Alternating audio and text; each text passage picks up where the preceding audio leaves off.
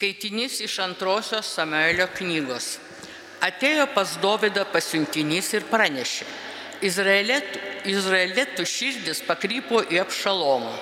Tada, tada Dovydas visiems savo tarnams, tebe buvusiems su juo Jeruzaliai, sakė, kelkitės, bėkime, nėra mums išsigelbėjimo nuo apšalomo.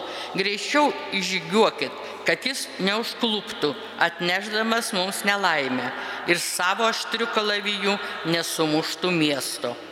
Vaitodamas ir apsigovęs galbą, Dovydas kopė alyvų kalną. Jis ėjo basas ir visi su juo esantys žmonės apsigaubę galvas kopė tolydžio vaitodami. Kada karalius Dovydas atėjo į Bahurimą, staiga iš miesto išėjo vyriškis vardu Šimis Gėro sunus iš Sauliaus namų giminaičių. Jis keikdamas ėjo artin prie Dovido ir metė akmenėmis į jį, bei karaliaus Dovido tarnus, nors iš kairės ir dešinės buvo prie jo kariškiai ir visa jos mens sargyba. Šimi šaukė ir keikėsi, kad tu kur prapultum žudikė. Tu niekšas, kraujo kaltę kritusi ant namų Sauliaus, kurio vietoje vietoje tapai karaliumi. Viešpas leido dabar ant tavęs suvirsti. Viešpas perdavė karalystę tavo sūnui apšalomui. Ištiko tave nelaimė, nes tu žudikas. Carujo sūnus Abišajus klausė karalių, ko tas nudvėselis šuo keikė mano šeimininką karalių. Nukirsiu prieės jam galvą, bet karalius byloju, ką su jumis mums daryti, Cezurijos sunus, tegul jis keikė. Jei jam viešpas įsakė Dovydą keikti, tai kas tada gali klausti, kodėl tai darai? Ir Dovydas toliau bylojo Abišajui ir savo tarnams. Tikrasis mano sunus kėsinasi į mano gyvybę, tad juo labiau tai daryti turi šis Benjaminitas. Tegul jį keikė, matyti jam įsakė tai viešpas. Gal viešpas pažvelgs į mano nelaimę ir vėl siūs man laimę, o ne prakeikimą, kuris mane šiandien ištinka. Dovydas ir jo žmonės ėjo savo keliu toliau, o šimis eidamas kalno atšlaitę šalia, be perstojo plūdo, mėtė jį akmenimis ir draskė žemėmis. Tai Dievo žodis.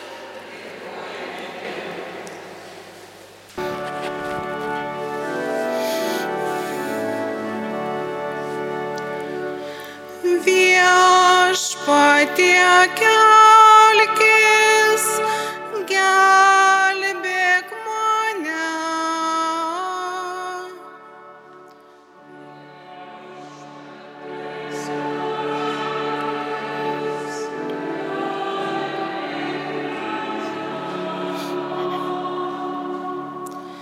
Viešpatie, kiek daug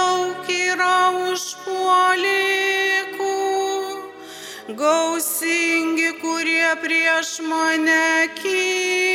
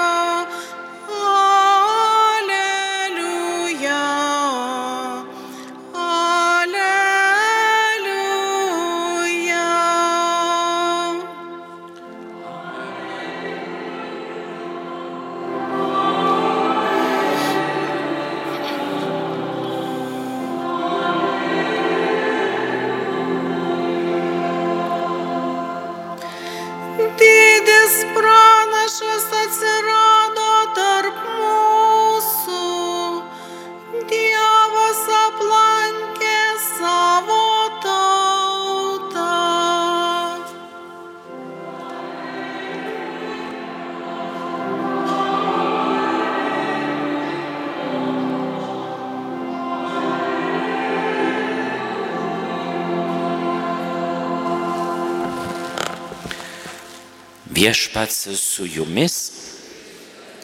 Pasiklausykite Šventojios Evangelijos pagal Morku. Jėzus ir jo mokiniai priplaukė ežero krantą Geraziečių krašte. Jam išlipus iš valties, tuo jau priešais iš kapinių atbėgo netyrosios dvasios apsėstas vyras. Jis gyveno kapų rūsiuose ir niekas negalėjo negrandinėmis jo surakinti. Nors jis jau daug kartų buvo pančiojamas ir grandinėmis rakinamas, bet sudaužydavo grandinės, nusitraukydavo pančius ir niekas negalėdavo jo suvaldyti. Per keuras naktis ir dienas jis bastydavosi po kapines ir po kalnus, klikdamas ir daužydamas save akmenimis. Iš tolo pamatęs Jėzų atbėgo, parpuolė priešais ir ėmė garsiai šaukti, ko tau reikia iš manęs, Jėzau, aukščiausiojo Dievo sūnau. Dėl Dievo maldauju, nekankink manęs. Jėzus mat buvo paliepęs išeik netyroji dvasia iš žmogaus. Jėzus dar paklausė, o kaip tu vadiniesi? Ji atsakė, mano vardas legionas, nes mūsų daug. Ir pradėjo labai prašytis nevaryti jų iš to krašto. Ten pat atkalnėje ganėsi didžiulė banda keulių. Dvasios ėmė prašytis, pasiūsk mus į tas keulės, kad į jas sueitume. Jėzus leido. Išėjusios netyrosios dvasios apniko keulės ir visa banda apie du tūkstančius keulių umai mėtėsi nuo skardžio į ežerą ir prigėrė ežere. Tie, kurie jas ganė, įsibėgiojo ir davė žinią apie įvykį mieste ir kaimuose. Žmonės išėjo pažiūrėti, kas atsitiko. Jie ateina prie Jėzaus, mato sėdinti demonų apsėstai, tą, kuris buvo turėjęs legioną, apsirengusi ir sveiko proto, ir juos paėmė baime. Mačiusieji papasakojo jiems, kas buvo nutikę su apsėstuoju ir apie keulės. Tada žmonės ėmė prašyti Jėzų pasišalinti iš jų krašto. Jėzui lypant į valtį, buvęs apsistasis, prašė leisti pasilikti su juo. Bet Jėzus nesutiko ir pasakė, eik namo pas saviškius ir papasakok, kokių nuostabių dalykų viešpats tau padarė ir kaip tavęs pasigailėjo. Tada jie nuėjo savo kelių ir dekapolyje ėmė skelbti, kokių didžių dalykų Jėzus jam buvo padaręs. Ir visi stebėjosi.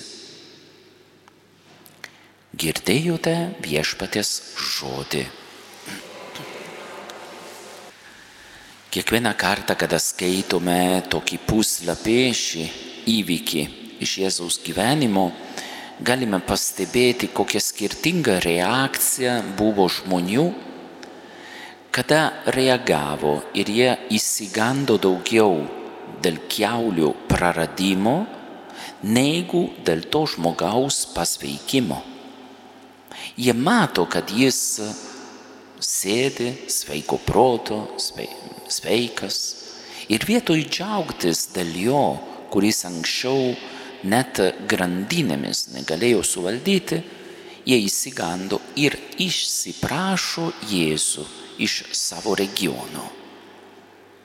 Kiek dažnai atsitinka irgi šiais laikais, kada žmonės bijo, kad Jėzus prašytų per daug nuo jų bijo prarasti patogumą, malonumą, daiktus, patogų gyvenimą ir išprašo Jėzų iš savo gyvenimo, iš savo širdies. Dievui ačiū, yra ir tokių, ir gal ir mes esame tarp jų, kurie prašo Jėzų gailestingumo, kurie prašo ateiti kad galėtų pasveiki, pasveikti nuo savo silpnybių, nuo savo nuodėmių, nuo savo praeities gyvenimo.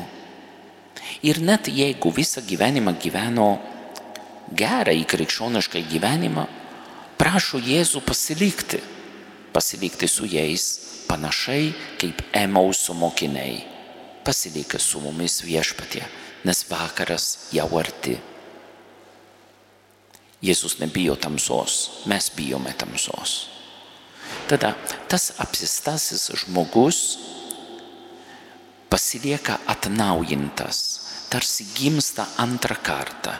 Ir didelis troškimas yra sekti paskui Jėzaus, eiti paskui, bet Jėzus randa, kad eiti paskui nėra tik tai vienintelis būdas fiziškai viską palikti, Bet net pasilikdamas tarp savųjų, jis gali liūdyti Dievo gailestingumą. Čia yra ir jūsų, sakyčiau, pasauliečių pašaukimas. Jėzus sako, ne tu išeik iš namų, neik į vienuolyną, neik kitur, lik tarp savųjų. Bet ten liūdik Dievo gailestingumą, kaip Dievas pasigailėjo tavęs kokių didžių dalykų padarė tau viešpats. Ar mes einame pas savuosius su tokiu džiaugsmu? Jeigu ne, dar turime progą tai daryti. Yra ir tokie, kurie seka arčiau prie Jėzaus. Ir tada jie yra kabutėse specialistai. Jūs, kurie sėdite čia bažnyčioje, jau vakar matėte naują salesietį siūstą į Lietuvą kunigą Michal Mykolą, kuris aukoja ir mišas šiandien. Klausytojai per Marijos radiją nemato, todėl turiu ir papasakoti, ne? kad saleziečių vienuolynas ir Vilniuje praturtėjo vieno brolio, kuris atvyko praeitą savaitę. Jis šiandien turėjo antrą lietuvių kalbos pamoką. Ir džiaugiamės ne? ir be abejo lydime jį savo artumos, savo šilumos, žinote, ne, kad kartais palikti savo šalį, ateiti į kitą, nu, nieko nepažįsti, nieko, mm, su nieko negali ypatingai bendrauti, tai va, būtent mes būkime jam artimi. Bet tai yra, kad Jėzus daro didžių dalykų mūsų gyvenime. Ir noriu su jumis pasidalinti tokia tema, kiek daro Jėzus gero. Skaitydamas iš kunigo Bosko knygos, kuris buvo išleistas prieš karo, ir daug kartų aš girdžiu, mano mama paskaitydavo, aš savo namuose mačiau, kad močiutė turėjo. Tai va, tokia sena knyga. E, tikrai būtų labai sudėtinga dabar atspausdinti dar kartą bet e, yra devinių metų sapnas parašytas pačio kunigo Bosko.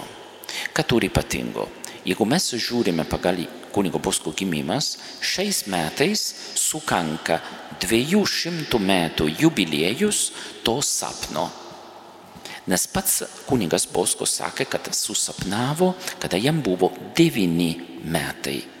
Tai reiškia, kad 1824 mūsų vyriausiasis rektorius parašė streną mintį šiems metams būtent sapnas, kuris duoda svajoti. Mes galime svajoti apie savo įsitraukimą į artimesnį bendravimą su Dievu, į bažnyčios gyvenimą ir to sapno dėka. Nes kaip Dievas nurodė kunigui Bosko jo pašaukimą, kaip auklėtojas, tai rodo ir mums, gal ne per sapną, bet įvairiausiais kitokiais būdais. Svarbiausia yra būti atviriems Dievo balsui. Eidamas devintuosius metus sapnavau sapną, kuris niekada neišdylo iš mano atminties. Sapne aš atsidūriau netoli kažkokių namų, erdvėme kieme, kur buvo prieėjai daugybė vaikų. Vieni iš jų žaidė, kiti juokėsi, keli keikė. Išgirdat bekeikiant, šokau prie jų sugniužęs kumšti ir liepiau nutilti. Taip man juos bemušant atsirado toks garbingas vyras, labai gražiai apsivilkęs. Visą jo kūną dengė baltas apsaustas ir iš jo veido triško tokia keista šviesa, kad aš į jį nežiūrėti negalėjau. Jis mane pasišaukė vardu, liepė būti tiems vaikams vadu ir pastebėjo. Ne kumštimis ir grasinimais, bet meilingumu ir gailestingumu privalai patraukti tuos draugus į save. Nieko nelaukęs, pradėk jiems aiškinti, kaip yra bjauri nuodėme ir kaip brangi dorybė. Nustebęs ir sumišęs pasiaiškinau, kad aš esu mažas, neturtingas ir nieko nemoku, kad dėl to nesugebėsiu tiems vaikams išaiškinti aukštus tikėjimo dalykus.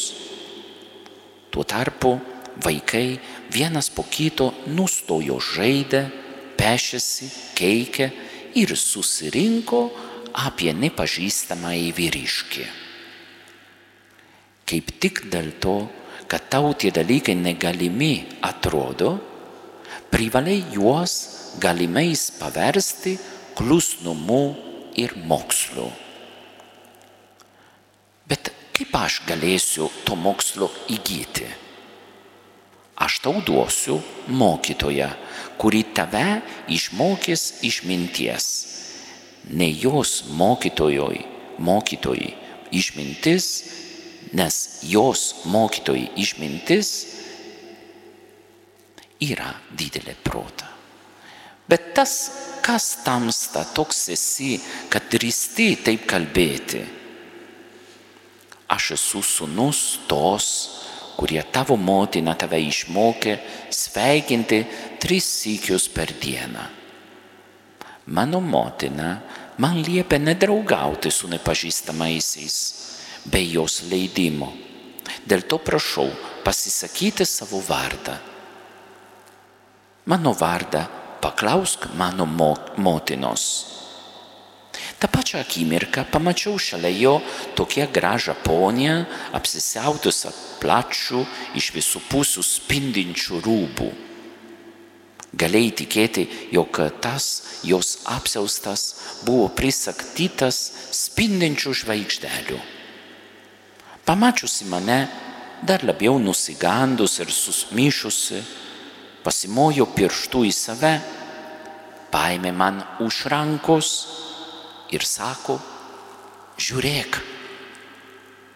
Aš pažvelgiau ir nebemačiau vaikų. Jie kažkur buvo dingę, o jų vietoje išvidau didžiausią būrį ožiukų, šuniukų, kačiukų, meškiukų ir dar kitokių visokių gyvuliukų. Štai tavo dirba, sako, štai kur privalai dirbti. Būk klusnus, stiprus, tvirtas. Kaip dabar matysi gyvuliukus keičiantis, tai turėsi tu ir mano sūnus permainyti.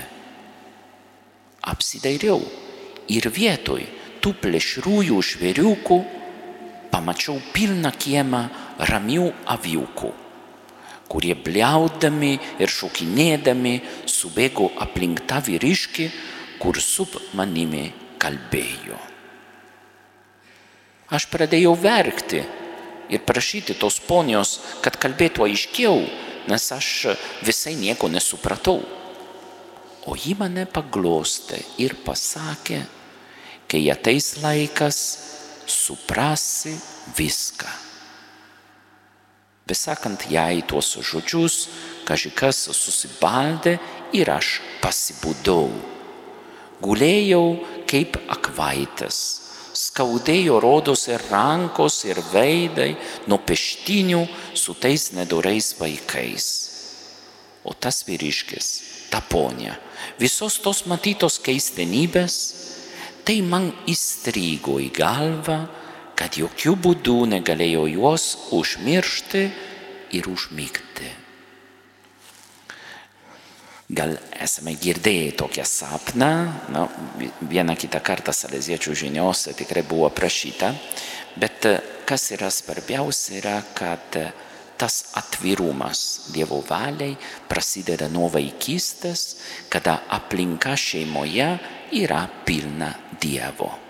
Tai mūsų užduotis.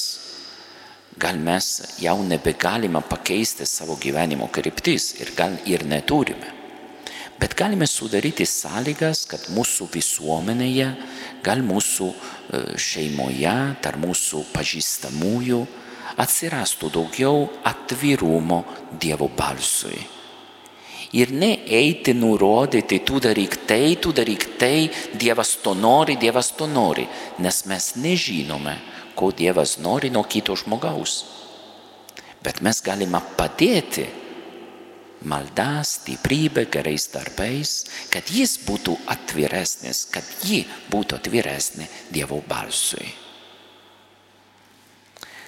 Baigiu minėdama, minėdamas ir kitą jubiliejų, lygiai prieš šimtą metų, 1924-aisiais, būrelis saleziečių atvyko į Vilnių ir į Lietuvą ir atidarė pirmą saleziečių bendruomenėje Lietuvoje. Nors tai laikais Vilnius nebuvo prijungtas prie Lietuvos valstybės, bet yra Lietuvos žemė. Tai mes skaičiuojame, kad pirmą saleziečių bendruomenėje Lietuvoje buvo ta. Tai sukanka 9 metų sapnas 200 metų. Saleziečiai Lietuvoje 100 metų ir atvyko kunigas Mykolas ir Liepos pabaigoje turėsime kunigystės šventimus Diakono Vytauto Morkūno, kuris studijuoja Salezietis, studijuoja Romoje. Tai viskas eina į tą Dievo pažadų įsipildymą. Dėkojame Dievui ir likime kartu su juo. Amen.